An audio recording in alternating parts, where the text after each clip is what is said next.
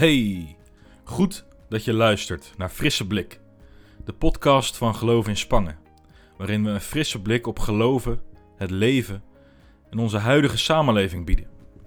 We proberen te ontdekken hoe het verhaal van God, een verhaal van hoop, tweede kansen en nieuw leven ons kan helpen in ons eigen leven, waarin rekeningen betaald moeten worden, collega's niet altijd meewerken ons leven waarin de dingen soms heel goed en soms helemaal niet lukken. Oftewel, een frisse blik op het echte leven. Vandaag lezen we een stuk uit de tweede brief van Johannes en daarin gaat het over blijven vasthouden aan de waarheid van Jezus en blijven leven volgens de regels van God. Volhouden. Dat woord kennen we inmiddels heel goed. Op Koningsdag riep onze koning Willem-Alexander Nederland op om de coronamaatregelen vol te houden.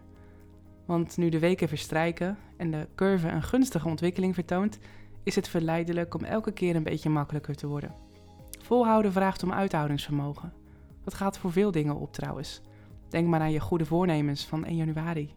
Grote kans dat er iets op stond als gezonder eten, minder op je telefoon, sporten, minder kleding kopen. Een goed voornemen is makkelijker gemaakt dan volgehouden. Daarom een vraag aan jou. Hoe denk jij dat het komt dat het vaak zo moeilijk is om goede voornemens vol te houden? En wat helpt jou om een goed voornemen vol te houden?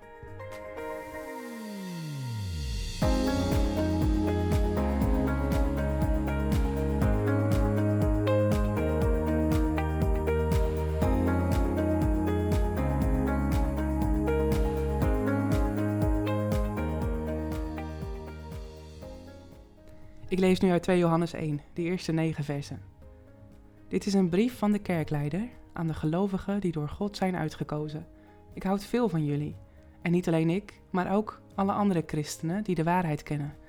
Wij houden van jullie omdat de waarheid in ons is en voor altijd bij ons zal blijven.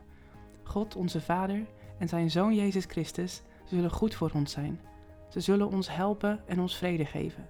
Dat zal gebeuren door de waarheid en de liefde van God. Ik was heel blij toen ik ontdekte dat sommigen van jullie volgens Gods waarheid leven. Want zo doen zij wat God onze Vader wil.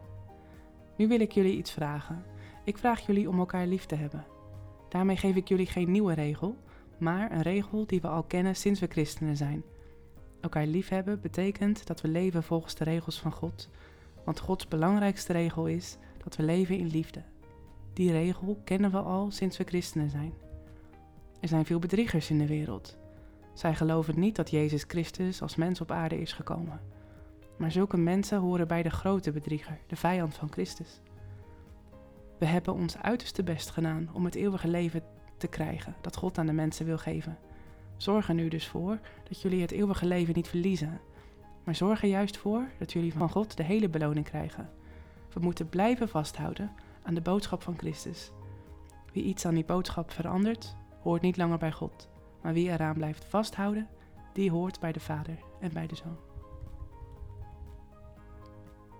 Het thema van volhouden komt terug in dit stuk.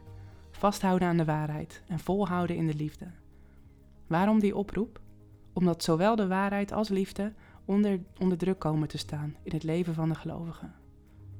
Als Johannes schrijft over de waarheid, dan gaat het over de fundamenten van het geloof in Jezus Christus in die tijd waren er bijvoorbeeld valse leraren die een filosofie verspreidden dat Jezus geen mens van vlees en bloed was.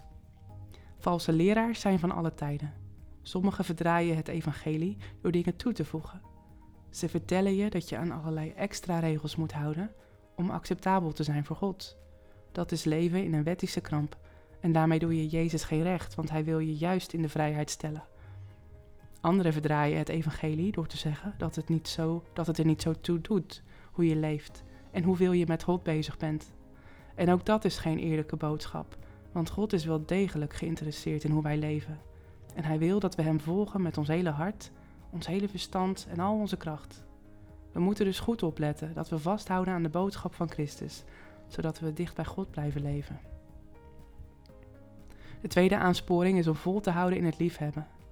Johannes zegt het met zoveel woorden. Ik vertel jullie hiermee niks nieuws, maar ik herinner jullie aan het gebod van God dat er altijd al is geweest. Ja, liefde moet je volhouden, het gaat niet vanzelf. Een goede preek of een mooi lied kan je inspireren om liefdevol te leven. Maar hoe lukt het eigenlijk om die liefde in de praktijk te brengen op maandagmorgen, als de week op je afstormt, als je kind pubert, buren hun afval op straat gooien, je collega negatief praat over je baas of als je moe bent en eigenlijk op de bank bent neer, eindelijk op de bank bent neergeploft en niemand wil iets van je? Dan komt liefde aan op concrete keuzes. Om vol te houden hebben we Jezus nodig. Jezus laat ons zien wat liefde is. Jezus wil ons hart veranderen, zodat we verlangen naar groei. Jezus vergeeft ons als we vallen en helpt ons om op te staan. Terug naar het gesprek aan het begin over goede voornemens. Ik vroeg jou, wat helpt je om goede voornemens vol te houden? Bij mij is, is dat als het lukt om een betere werkelijkheid voor ogen te houden. Als ik bedenk wat er positief verandert als ik volhoud. Dan zit ik lekkerder in mijn vel omdat ik gezonder eet. Dan heb ik meer rust in mijn leven omdat ik niet aan mijn telefoon vastgekleefd zit. En dan is mijn huis een fijne plek omdat ik regelmatig opruim. Werkt dit voor jou ook? Zo'n betere werkelijkheid voor ogen houden? Wat verandert er ten goede in jouw leven als je volhoudt in liefhebben en vasthoudt aan het evangelie?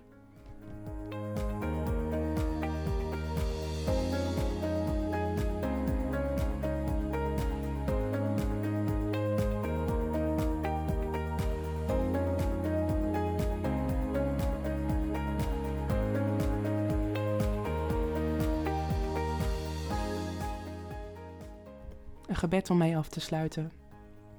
Lieve Heer, help ons om vol te houden in liefde en waarheid. Help ons om vast te houden aan het evangelie van Jezus Christus en daarnaar te leven. Help ons om lief te hebben, juist ook als we niet hooggestemd zijn en het leven van alle dag druk uitoefent. Dank u dat u ons heeft laten zien wat liefde is. Dat u ons wilt helpen groeien in liefde. En dat u ons vergeeft als we vallen. In Jezus' naam. Amen.